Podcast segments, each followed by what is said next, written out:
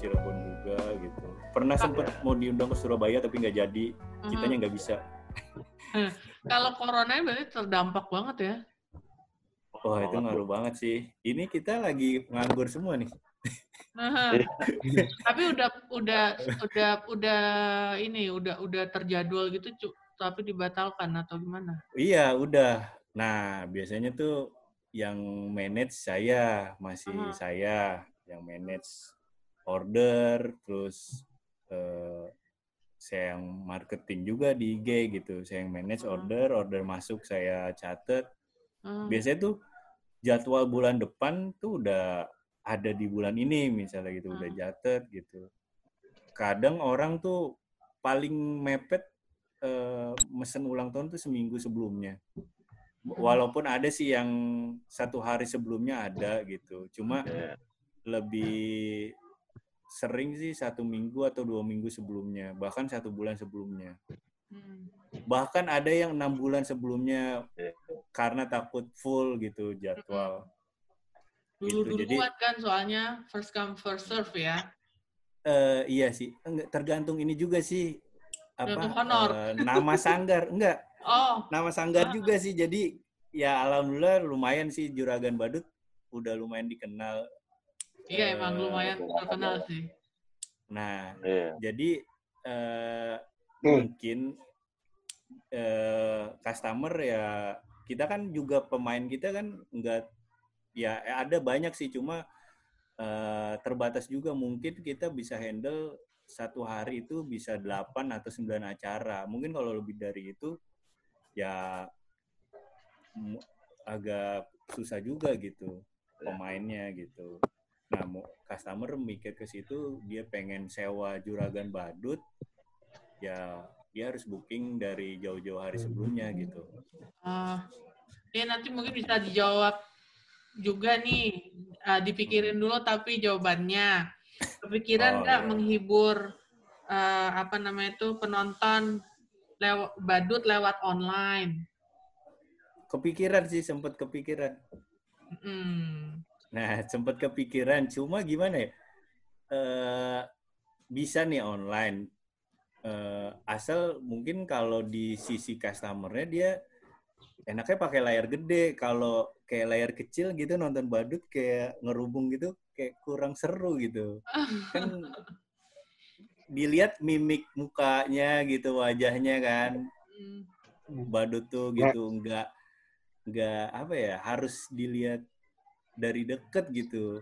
Biar kelihatan lucunya. Iya ya. gitu. Atau ah, seremnya. Sulap pun gitu. Kalau sulap mungkin bisa agak-agak jauh. Cuma kan kita kan badut ulang tahun tuh yang sulapnya tuh sulap-sulap lucu-lucuan aja gitu. Hmm. Jadi agak-agak susah sih kalau online bisa asal mungkin layar pakai layar gede gitu yang ulang tahun ngelihat dan teman-temannya ngelihat ini sih Lihat keseruannya gitu. Iya, ya. ah, ah, ah, ah. Kita ada kepikiran di situ dan kepikiran masalah ini juga sih eh, jaringan internet kan Oh, nggak seru harus juga cepet kalau ya. misalnya Keputus. keputus-putus Ya, gitu. benar. Ini berarti tinggal Dari tweet sisi- siapa ya? Tinggal nungguin sebentar, saya konfirmasi dulu kalau emang nggak bisa ya kita mulai aja sih. Iya, Ya, boleh. si Oh itu lagi login tuh Farhan. Oh, oke. Sudah. Nanti mungkin terserah mau yang jawab Mas Rama, yang lainnya nimbrungin Hmm. atau gimana, bebas. Ya bebas sih nanti yang lain ikut nimbrung. Boleh. Berarti cuman Nah. baru empat ya? Baby, baby. Iya. Iya, berempat. Kayaknya Audi mana Audi? tuh lagi coba masuk. Ada Audi, Mbak. Oh, Ada. Audi gak? Belum. Audi. Oh iya itu udah udah masuk deh. Botak, eh, nyalain tak mic-nya sama kameranya. On cam tak on cam. Nah, ini namanya Farhan, cuma dipanggilnya Botak. Oh, Mana Botak? Oh, ini enggak, ini Audi, ini Audi. oh. Lalu, Dia nggak bisa dijadi satu gitu ya? Apaan jadi satu apaan? Ya, ini dia videonya ini cuma satu, dua, tiga, empat. Jadi kalau mau lihat satu harus digeser gitu. kalau pakai Bisa. handphone digeser. Oh iya, ha. Oke. Bisa lang. Eh, pakai ini kali ya, apa layar tancap gitu. Jadi gitu. dibalikin. Ah, Ini bo sebentar, botak tadi bilangnya udah mau login. Hah? Jadi ini Enggak, digeser, Bang. Eh, di- di- jadi ini kita sih punya job desk masing-masing sih dari kita berlima ini. Cuma eh rata-rata multi talent sih. Enggak hanya yang dekor-dekor aja, mhm, badut-badut aja gitu. ya. Ya ini sih apa eh punya kebiasaan masing-masing, keahlian masing-masing. Ah. Ini Sebentar. yang satu Mas Iya, Audi sebentar. ya keluar lagi ya? out lagi. Enggak, Audi tuh ada tuh. Ada mbak. Oh iya ada ada. Tadi sempat. Ini tinggal nunggu si botak nih. Coba telepon botak, Bang.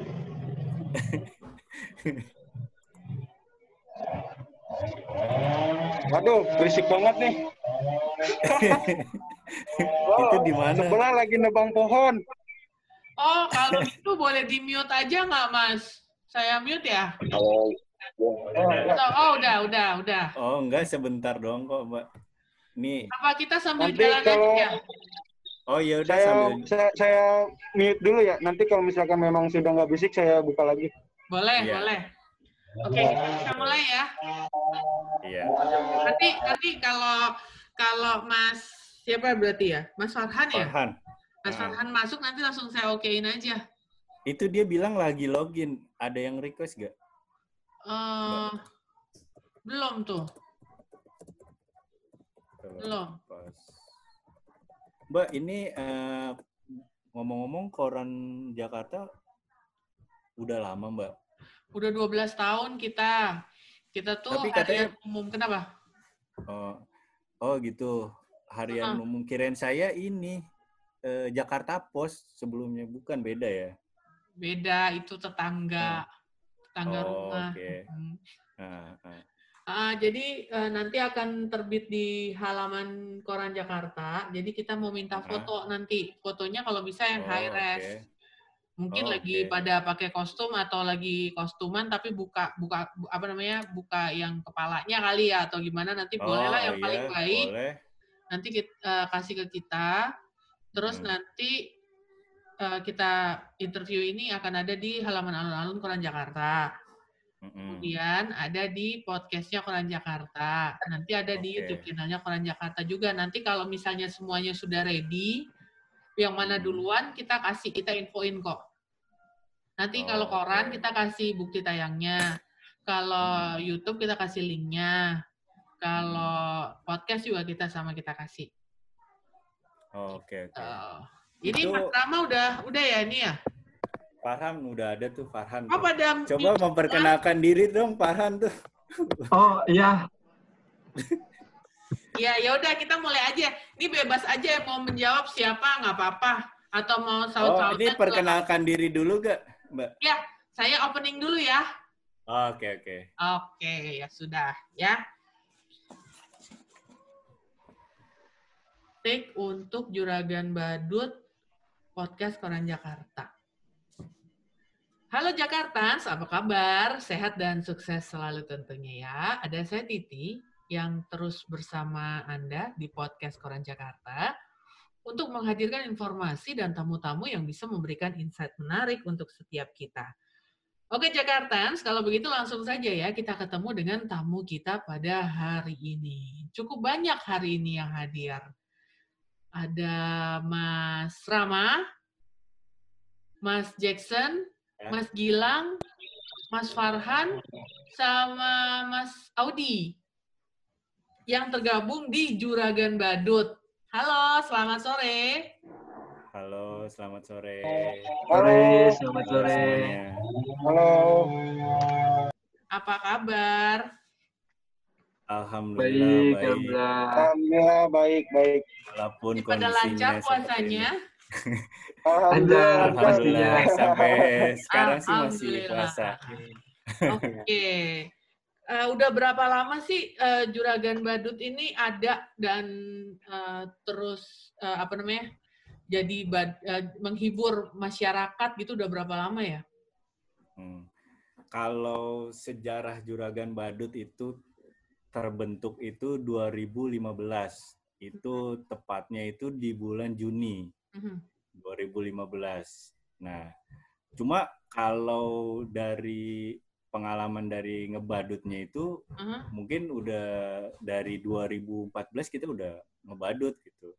Cuma ngebentuk juragan badut itu mulai 2015 gitu. Jadi eh, sebelumnya kita eh, bekerja ngebadut eh, lewat panggilan-panggilan seperti di apa di kertas-kertas yang ditempel di tiang listrik gitu. Mhm. Nah, terus kita, saya mikir eh, kayaknya kita ini udah harus beralih ke media elektronik nih gitu. Saya juga harus namain perkumpulan kita nih karena biasanya badut-badut ini nih berbentuknya sanggar gitu. Kita namain apa ya gitu. Akhirnya eh, ketemulah nama Juragan Badut gitu Mhm. ya eh, akhirnya ketemu saya bikin eh, websitenya saya bi- bikin Instagramnya akhirnya mulai dari situ kita promosiin lewat media sosial dan media elektronik gitu Mhm. udah Ah. nggak pakai kertas ditempel-tempel lagi udah nggak dilihat juga ya? Iya biasanya tuh badut identik banget tuh dulu-dulu tuh oh, panggil badut tuh ya ngelihatnya dari dari itu kertas-kertas yang ditempel di tiang listrik Iya, sekarang udah pada disobekin tuh kalau misalnya Iya, biasanya disobekin. Iya, betul. Biasanya sebelah nama sedot WC biasanya.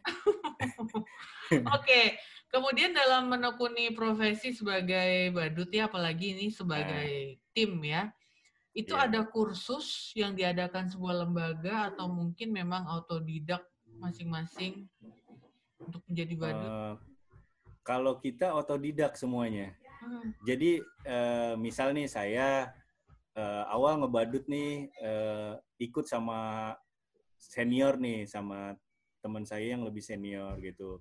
Kita ambil pelajaran dari dia cara ngebadut gimana, bawain acara gitu. Mhm. Kalau misalnya jadi badut karakter gimana gitu. Nah, terus ilmu saya saya sharing lagi ke teman saya yang ingin jadi badut gitu. Jadi eh, kita kayak apa ngebadut nih kayak ini sih eh, kita ngajak ke temen gitu kayak kita racunin aja gitu ayo, ayo ikut ngebadut yuk gitu akhirnya lama-lama banyak gitu ngumpul ya ini sih kita juga teman-teman dekat semua sih temen rumah Teman main lah ya. wilayah lah iya Mhm. Coba nih, saya mau nanya nih ke Mas Gilang. Hmm. Mana nih Mas Gilang? Oke, Mas Gilang. Ya. Mas Gilang Ya, kan ya. ada di dalam eh, Juragan Badut ya. Kenapa sih milihnya di grup gitu, bukan milih eh, perorangan, tapi tergabung dalam sebuah eh, apa namanya itu eh, perkumpulan eh, grup Juragan Badut gitu. karena eh, pada awal itu kan saya kan eh, libur kerja gitu ya terus eh, diajakin aja gitu mbak jadi kayak mengisi waktu luang gitu Oh, oke. ya Kemudian nih untuk mendapatkan kostum, apakah beli Ya. jadi atau buat sendiri? Siapa nih yang mau jawab bantu jawab nih? Oh ini mungkin bang Rama ya karena kan dia yang Nah, ya eh, untuk kostum, eh, jadi awalnya tuh kita, eh, saya nih ya, saya sebagai eh, owner Juragan Badut nih, eh, punya kostum kostum-kostum badut ini nggak langsung banyak gitu. Oke. Kita cicil dari misalnya kita beli kostum ini ini dulu gitu. Nah, lama-lama ngumpulin, ngumpulin, kita beli kostum lagi, beli kostum lagi karena beli kostum badut itu bukan beli kostum jadi. Jadi ada pengrajinnya, Mbak. Oh, Ada pengrajin pembuat kostumnya gitu. Eh, misalnya kita mau pesen bikin kostum Little Pony, Pink, Pinkie Pie gitu. Kita harus pesen dulu, mungkin paling cepet itu sebulan baru jadi. Kalau misalnya memang eh, di pengrajinnya itu lagi nggak banyak orderan gitu. Jadi nggak ada kostum jadi yang langsung dibeli via online gitu nggak ada. Mungkin ada tapi itu kualitasnya mungkin beda gitu. Dari segi kostum pun da- dari masing-masing sanggar sanggar tuh sanggar badut itu beda-beda gitu kualitasnya. Punya Karena karakteristik pasti tersendiri punya, gitu. betul karena punya eh, pengrajin pem- pembuat badutnya yang beda gitu. Mhm. Kalau saya udah mempercayakan si A gitu untuk ngebuat eh, badut-badut saya gitu, udah gitu ke si A itu gitu. Mungkin sanggar lain beda orang gitu Mhm, mhm. gitu sih dari bentuk mungkin kalau bentuk agak ya ya itu yang bikin beda menyerupai apa enggaknya tergantung pengrajinnya itu sih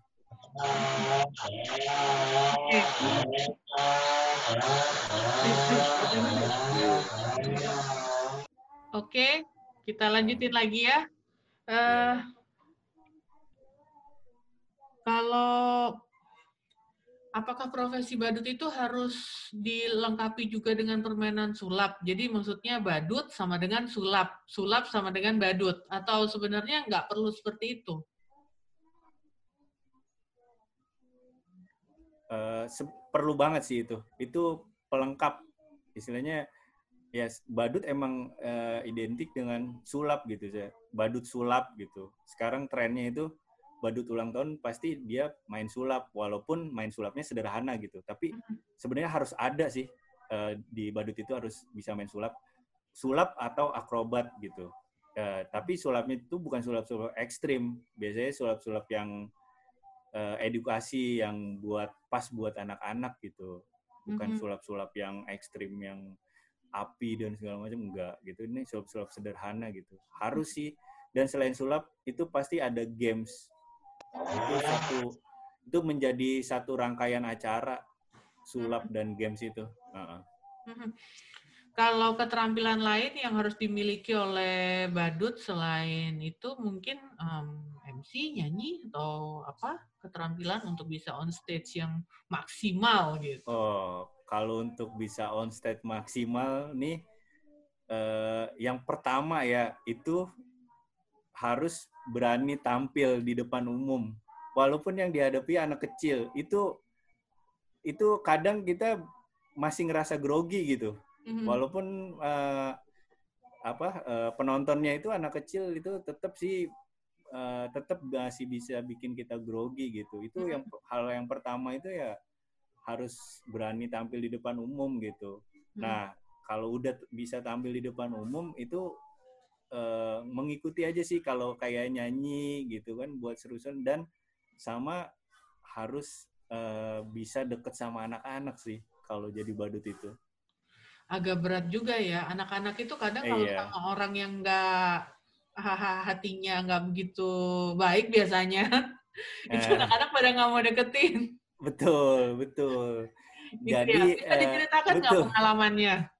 Betul. Jadi gini sih, eh, kalau dari tim Juragan Badut nih, trik kita nih sebelum mentas, kita eh, ke rumah customer itu, kita eh, istilahnya eh, apa ya, eh, harus ini dulu eh, menyapa customer dan eh, yang punya hajat nih, yang ulang tahun nih gitu Hmm. kita harus eh, apa bisa melakukan pendekatan dulu lah gitu. Jadi Oke. nggak tahu-tahu kita datang Di acara kita pestanya ngumpet, langsung ya. ya di pestanya kita ngumpet di ruangan terus kita jadi Mhm. toto jadi badut itu pasti anak-anak takut.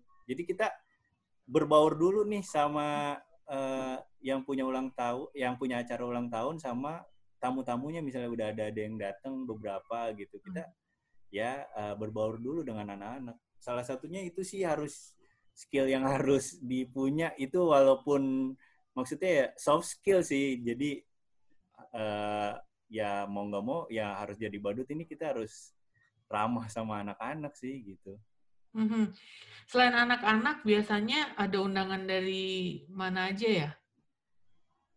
Oh, selain anak-anak itu kita ada undangan juga buat Sweet Seventeen. Jadi, nah ini lebih ke ini sih eh, ulang tahun yang 17 tahun ke atas eh, temanya mungkin agak beda sedikit, jadi lebih agak dewasa kayak Hmm. games gamesnya itu lebih lebih ke anak-anak remaja sama kalau kayak sulap-sulapnya itu lebih agak-agak remaja gitu. Agak beda dikit sih nggak terlalu nggak terlalu beda banget sih cuma beda sedikit sih. Paling itu aja sih bedanya gitu games dan sulapnya gitu.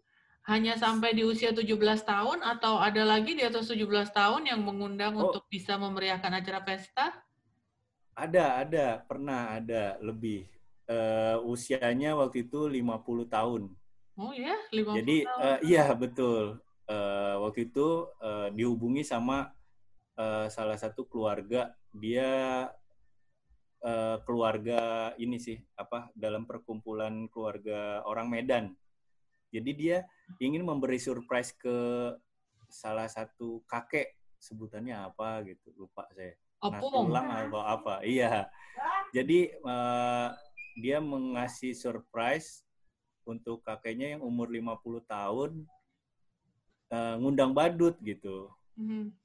usianya 50 tahun dan kita Oh. disuruh menghibur dan seru-seru aja sih karena di situ pun ada cucu-cucu yang datang Hmm. Iya. Berarti eh, Juragan Badut ini kurang lebih sudah lima tahun ya malang melintang di dunia apa hiburan sebagai badut gitu ya. iya iya betul Tadi sedikit kita bicara di belakang ada asosiasi ya, eh, Hmm, betul. PASBI, Paguyuban Iya. Seniman Badut Indonesia. Sebenarnya iya apalah fungsi dari asosiasi badut ini atau mungkin uh, teman-teman sesama profesi badut uh, bertemu atau saling sharing atau seperti apa? Betul. Eh, jadi eh, asosiasi badut kita yang namanya PASBI ini Paguyuban Seniman Badut Indonesia ini ya tujuannya ini kan kita eh, eh, tergabung nih dalam satu profesi yang sama nih Mhm. dan otomatis pasti eh, di satu acara itu ad- nggak menutup kemungkinan kita ketemu gitu dan kita eh, ada buat wadah untuk sharing gimana nih sesama eh, juragan eh sesama badut nih gitu. Hmm. saya dari sanggar juragan badut dari sanggar badut yang lain gimana nih wadahnya? Jadi, jadi eh, untuk menghimpun badut-badut yang ada di Indonesia sih gitu. Jadi buat saling sharing saling kadang kita ngelakuin ini juga sih eh, apa eh, bakti sosial gitu. Oh. acara-acara gitu Uh, uh, jadi nggak hanya buat ngumpul-ngumpul aja sih gitu. Mhm. dan eh, salah satu keuntungannya juga bisa termanage. Misal kita lagi nge eh, saya kita wilayah Depok Bogor nih Juragan Badut. Kita lagi mentas di Tangerang atau di Ciledug Mhm. kita ada lupa membawa alat dekor atau apa. Kita terhubung dengan eh, paguyuban seniman badut Indonesia itu kita tinggal eh, minta tolong ini kita lupa bawa ini eh, ada yang punya gak gitu. Jadi lebih saling ngebantu sih. Nggak Oh. saling iya nggak saling saingan sih. Mhm, mhm, mhm. gitu Wah, Ah, luar jadi biasa ya. ah, Eh, lagi mentas pasti sudah banyak banget pengalaman yang dirasakan sebagai eh, penghibur dari acara-acara ulang tahun ataukah peresmian apa dan segala macam ya buat juragan badut.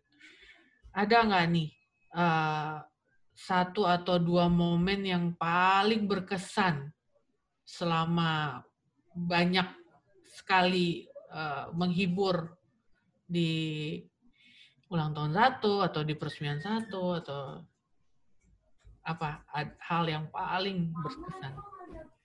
Banyak Nah, deh mas ya. kalau ini pasti beda-beda nih jawabannya Nah, nih satu-satu Iya, nih jawabnya. beda-beda. Harus ditanya satu-satu nih. Oke, Mulai siap. dari silakan dari siapa dulu nih?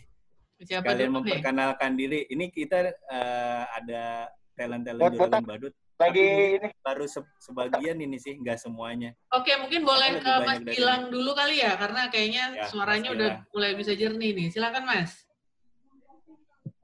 oh, eh, halo Mbak. Mungkin eh, pengalaman berkesan saya itu saya pernah dapat customer itu saudara saya mbak. Tanpa Oh. di tahu Aha. jadi itu berkesan aja sih mbak. Jadi kan kayak saya kan sama saudara saya itu kan mungkin eh, sudah lama tidak bertemu gitu ya. Karena kan beda beda apa namanya? Beda wilayah gitu mbak. Jadi jarang bertemu dan akhirnya tuh ketemunya itu ya pas saya lagi jadi badut gitu Oh. jadi tuh kayak berkesan aja sih mungkin kalau berkesan banyak sih mbak mungkin kalau diceritain nggak kelar. Oke, yang berikutnya siapa lagi? Mas Jackson mungkin? Mungkin Jackson bisa angkat. Iya, halo Mas. Mbak. Iya, Mas Jackson, silakan. Waduh, kalau saya sih mungkin yang event di Kuningan kemarin ya, soalnya itu job terjauh sama saya ngejob gitu. Aha. Itu perjalanannya 18 jam pulang pergi ya. aha. Dari berangkat subuh tahun baru, langsung jalan ngejob di sana, hibur orang sana, dan orang sana terhibur. Ada banyak kenangan gitu sih, Mbak. Kalau paling kesan sih itu aja sih. Oke. Yang berikutnya nih, Mas Farhan mungkin. Ya, kalau dari saya sama di Kuningan, tapi pas eh, lagi ketika acara mentasnya. Mungkin mbaknya nanti bisa lihat di Instagram Juragan Badut, itu ada video-video, foto-foto yang ya mungkin terlihat agak semenonoh ya Bang ya. Oke. Kemudian Mas kurang nih, Mas Audi, Audi. Mas Audi, silakan Mas. Kalau saya sih berkesannya itu pas di tempat yatim piatu begitu Mbak. Oh, oke. Jadi lebih berkesannya ya menghibur orang-orang yang apa sih namanya? Yang apa? Yang sudah tidak Ya. punya orang tua, jadi mungkin tidak ada lagi yang bisa panggilin dia badut, tapi ternyata di panti asuhan adalah yang pulang tahun di situ dan ternyata badut pun dipanggil. Jadi anak yatim piatu juga bisa menikmati ya Mas ya, Betul. Menikmati juga pentas badut ya. Iya, iya. Iya, benar. itu. terharu dong ya Mas ya. Maksudnya kalau biasanya eh, dengan kondisi ceria-ceria, tapi kalau di panti asuhan bagaimana Mas? Mungkin ada yang Ya kayaknya lebih seneng gitu loh kalau di sana. hmm, lebih rame antusiasnya juga ya karena mungkin hiburan itu tuh jarang kayaknya di sana ya, jarang ya, jadi lebih happy lah ya. ya lebih happy lebih senang Oke, Oke, betul. Mas Rama mungkin. Iya. Kalau ditanya berkesan, banyak sih yang berkesan gitu. Ya, eh, salah satunya kalau kita lagi nge ngejob di luar daerah itu pasti seru. Dari mulai perjalanan itu pasti seru gitu, berkesan sampai ke lokasi gitu. Mhm. Eh, pernah ke Banten juga, pernah. Jadi eh, menurut saya sih eh, setiap mau apa kita ngisi acara tuh berkesan karena menurut saya setiap kita eh, dapat eh, order dari customer itu eh, customer-customer judagan badut tuh punya background yang masing-masing punya backgroundnya masing-masing gitu. Mhm. Ada yang lagi bisa menginspirasi saya gitu. Jadi misalnya dia eh, si customer ini eh, lulusan hanya lulusan SD tapi dia udah punya usaha sayuran di pasar induk yang menghasilkan omsetnya berapa ratus juta gitu. Kadang Mhm. melalui obrolan-obrolan itu yang buat saya tuh ini berkesan banget nih gitu. Kita nggak hanya ngebadut, tapi kita dapat eh, dapat kisah inspiratif yang bisa kita ambil gitu. Kadang Mhm. ya lewat obrolan-obrolan dengan customer kita sebelum kita mentas dan sesudah kita mentas gitu. Karena sesudah kita mentas pun kita nggak langsung pulang, Mbak. Kita pasti ditawarin makan dulu gitu.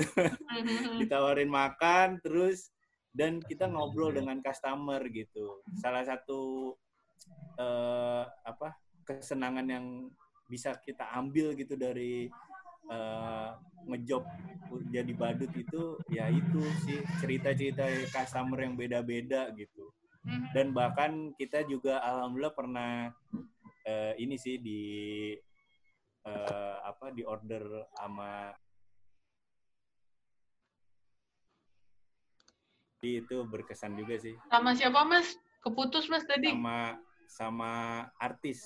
Oh artis. Jadi berkesan ya, Ya, mas itu. ya. Iya betul berkesan juga tuh.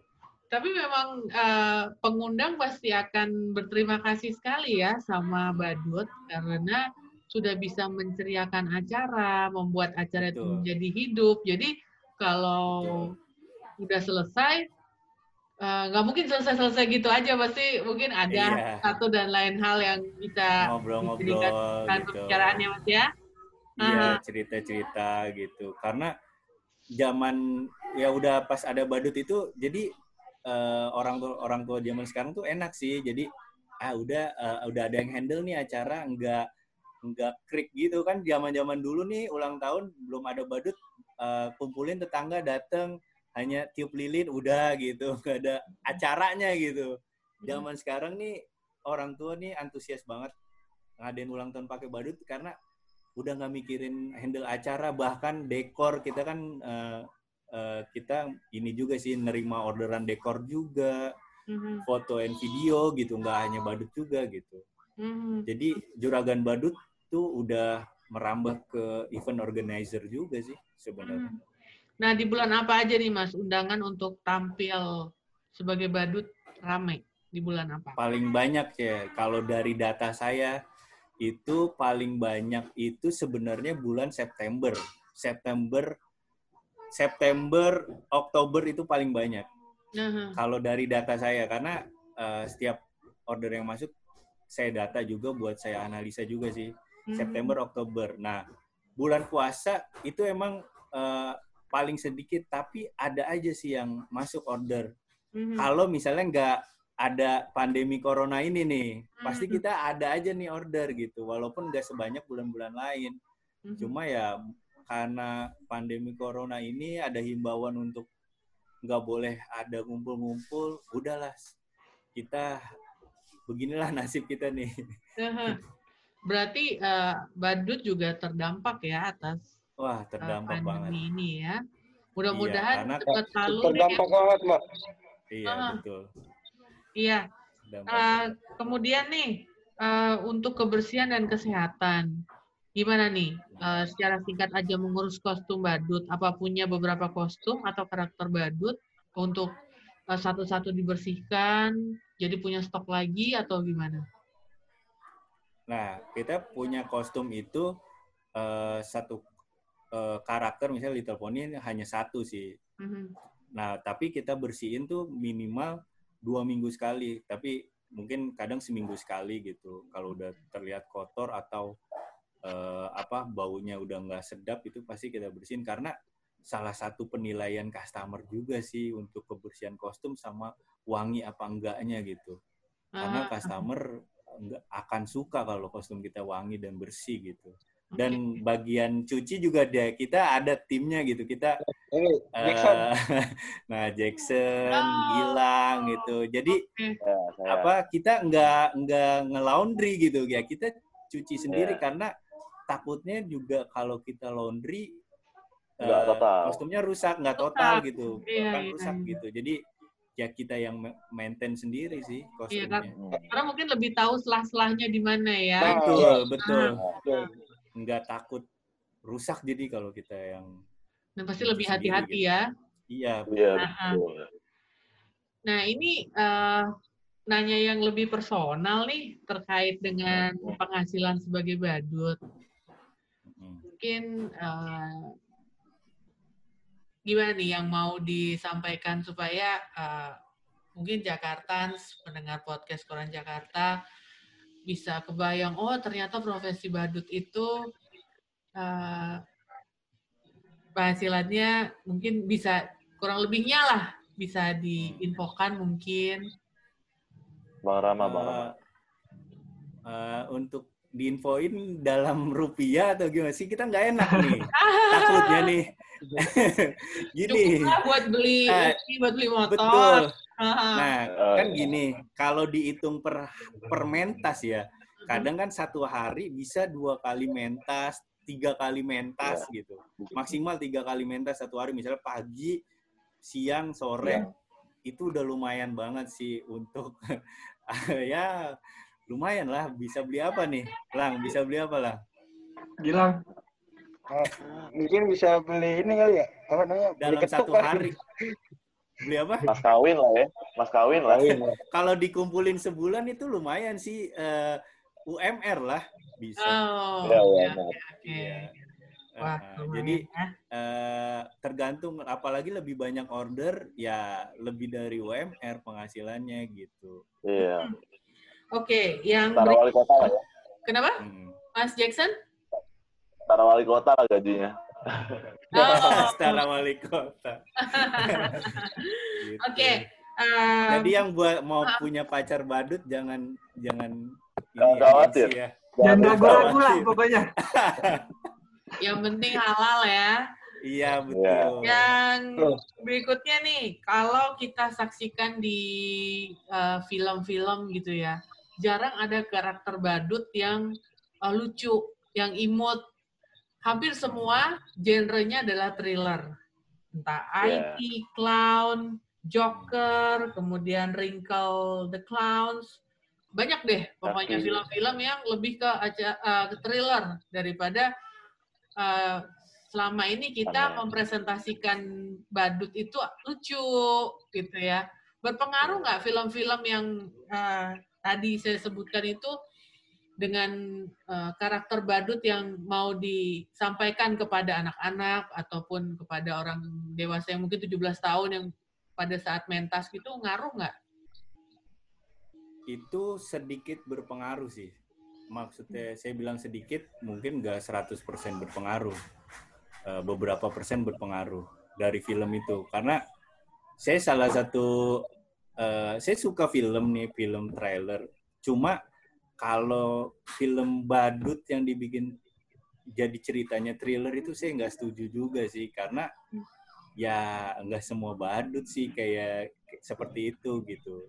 Nah untuk berpengaruh ke anak-anak yang jadi takut sama badut apa enggak bukan hanya dari film biasanya dari orang tua nih Hmm. misalnya anaknya masih kecil nih eh, dia eh, ini sih eh, biasanya suka ditakut-takutin nih misalnya nih anak kecilnya masih dua tahun atau tiga tahun nggak mau makan eh nanti ada badut loh nanti ada badut loh gitu Badut nah makan itu, sama badut. itu Gitu. itu salah banget sih jadi dia ngebentuk mindset pot, bahwa iya. badut itu menakutkan gitu Hmm. Nah, dia bisa sampai gede tuh takut sama badut karena ditakut-takutin seperti itu gitu. Nah, ayo ayo makan, nanti eh, ada badut loh, ada badut loh gitu. itu salah juga sih Iya. menurut saya itu salah juga. Kadang eh, anak-anak kecil yang nangis karena takut sama badut, saya sering survei sih ke customer, "Ibu, eh, anaknya sering ditakut-takutin badut ya?" "Iya, Mas." gitu. Nah, ya makanya mungkin nextnya jangan ditakut-takutin bu gitu akhirnya dia berani sih kalau misalnya nggak ditakut-takutin gitu Hmm. Nah, berikutnya nih. Ah, kepikiran nggak menghibur lewat online? Kepikiran sih Boleh tuh kayaknya eh, hal Nah. baru mas bang. mungkin eh, Mas Farhan nih kan dia sebagai apa talent kita di bidang video dan fotografi ah, ah. Nah, Editor. itu editor juga mungkin punya konsepnya nih Mas Farhan nih gitu sih kalau saya sih kepikiran cuma ya mungkin har- harus eh, tangani beberapa kendala yang mesti kita tangani sih kayak jaringan internet harus Iya, lancar. Ah, kedua sisi bukan saya aja ah, dari customer gitu. Mm-mm. terus eh, dari lokasi. ini sih layar juga sih gitu kalau Iya. kita mau tampil online gitu kita pengen sih tam- tampil online gitu Mhm. cuma dari penontonnya akan menerimanya ah. sama gak dengan kita tampil secara live gitu, bukan online gitu. Mhm. Keseruannya sama gak gitu? Kita kan mengharapkan keseruannya sih gitu. Iya, karena kalau badut eh, langsung live gitu tiba-tiba dari belakang telinga kita keluar kertas atau keluar Iya, pensil betul. gitu. Kalau online mungkin nggak bisa gitu ya. Nggak bisa, Jackson ya. Gitu. Oke, Iya. oke. Wah, menarik sekali perbincangan kita ya bersama Juragan Badut, tapi kayaknya waktunya sudah selesai. Jadi saya ingin Oh, nggak mengucapkan kerasa terima ya? kasih dengan Mas Gilang. Sekalian ngabuburit nih. Iya, kemudian Iya. Mas Arhan, Mas Jackson, Mas Rama, dan Iya. juga Mas Audi untuk waktunya. Terima kasih, sukses buat Juragan Badut. Mudah-mudahan ordernya bisa sampai ke seluruh Iya. Indonesia. Diundang juga. Amin. Amin, amin, Amin. waktunya, lebih lagi sukses juga. membuat Indonesia amin. Mudah-mudahan corona ini cepat selesai. Amin. Biar kita mentas Sudah, lagi. Ya, pada Amin. kangen mentas.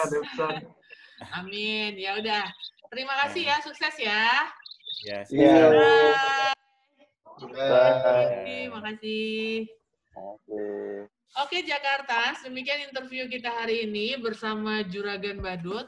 Saya yakin Anda bisa mendapatkan banyak insight menarik tadi ya seputar bagaimana Badut juga bisa memberikan kontribusi di dalam memeriahkan sebuah pesta. Oke, saya Titi undur diri, tetap sehat, tetap semangat. Bye! Halo Jakarta, jangan lupa dengerin podcast diskusi Koran Jakarta hanya di Spotify.